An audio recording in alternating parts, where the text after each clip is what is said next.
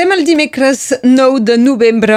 Aquest és l'informatiu de Radio Arrels amb en Sebastià Girard. Operació de controls a les gasolineres de Catalunya Nord. Els agents de la Direcció Departamental de Protecció de la Població han efectuat diverses intervencions a prop de 67 establiments de venda de carburants per comprovar els preus practicats. Segons la Prefectura dels Pirineus Orientals, de les 63 benzineres controlades, 16 presentaven anomalies i 3 van ser sancionades. Se'ls retreu principalment d'anunciar un preu a la web oficial del govern i de practicar practicar un preu superior en la realitat. Algunes gasolineres també van ser sancionades per no informar de les ajudes del govern, un dispositiu que rebaixa el preu del litre de 30 cèntims fins a mitjans de novembre i que baixarà a 10 cèntims fins al 31 de desembre.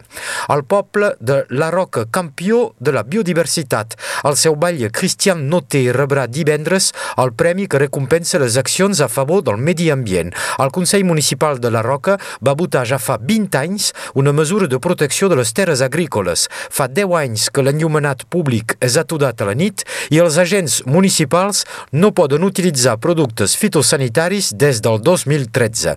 Interrogats sobre aquest premi, el Valle de la Roca ha declarat que no era pas verd ni ecologista i que va convèncer el Consell Municipal a base de seny. Hi haurà obres per millorar l'estadi Emegiral i es construirà un centre de formació de nivell d'un club de top 14. François Rivière va oficialitzar ahir les dues mesures i pels detalls va reenviar la pilota al batlle de Perpinyà que s'hauria de pronunciar d'aquí poc. Ahir el president de l'USAP va passar a l'atac davant de les crítiques dels seguidors pels mals resultats de l'equip.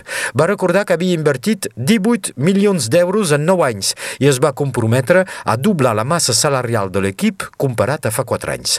També va confirmar l'arribada d'un nou jugaire. Se'n diu Alistair. Crossdale és un tres quart anglès que ve del club de Wasp. És un cas d'espionatge a gran escala que va tocar de ple al moviment independentista català. El cas Pegasus, del nom del programari espia. Des de Brussel·les, l'informe de l'Eurocambra apunta que el govern espanyol és responsable dels nombrosos casos d'espionatge a personalitats i elegits lligats a l'independentisme català. El document fet públic ahir apunta que els atacs mostren un patró clar i coincideixen amb moments de rellevància política. El govern de la Generalitat ha anunciat que es presentarà com a acusació particular en el que ja podem considerar un un veritable Catalan Gate. Per primera vegada a Catalunya, un home ha estat condemnat per difondre notícia falsa. Els fake news que omplen xarxes i mitjans digitals ja no són impunes. Aquest primer judici s'ha fet a l'Audiència de Barcelona. L'acusat, un policia membre de la Guàrdia Civil, va penjar un vídeo assegurant que era d'una violació denunciada a Canet de Mar amb l'objectiu de difamar els menors marroquins d'un centre d'acolliment de migrants d'aquesta ciutat ciutat del Maresme. De fet, el vídeo provenia d'una càmera de seguretat a la Xina. Ha estat condemnat a 15 mesos de presó i a tancar tots els seus perfils de xarxes socials. I acabem amb una informació de cinema. La realitzadora Alice Diop rep el Premi Jean Vigo 2022. Especialista dels documentals, la cineasta parisenca és recompensada pel seu primer film de ficció intitulat Saint-Omer. El Premi Jean Vigo de curtmetratge ha estat atribuït en guany a Virgile Vernier i el Premi d'honor a Jacques Nolot. Moltes gràcies, Sebastià. Passem a l'informació esportiva. Doble victòria catalana i a la Lliga de Futbol Espanyol. El Girona va guanyar 1-2 al camp de l'Elx i el Barça va guanyar també 1-2 i també després de remuntar un gol advers al camp de l'Ossassuna. Els dos equips eh, fan bones operacions així a la classificació just abans de la parada d'un mes i mig d'aquesta competició. Els gironins s'allunyen de la part baixa, la part perillosa, i els blaugranes s'asseguren el lideratge.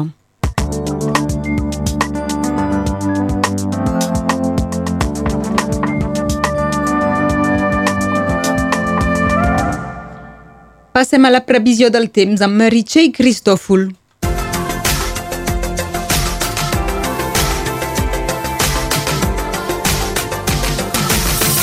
Bon dia. El temps segueix igual. Poc ben previst per avui, les ràfegues màximes no haurien de despassar 20 km per hora a la plana. Malgrat els núvols, hauríem de tenir un dia bastant lluminós, tot i que la pluja s'hauria de convidar a final de tarda cap al Conflent, Temperatures dolces, doncs, 21 graus a Perpinyà, 20 a Calça, 19 a Serret, Prada, Colliure, Sant Cebrià i Elna, 13 a Oceja i 10 graus a Caudies de Conflent i a Matamala. Aquesta tarda el sol s'apondrà a les 5 hores i 31 minuts. Avui celebrem Sant Teodor i acabem amb el refrany del dia novembre humit et farà ric.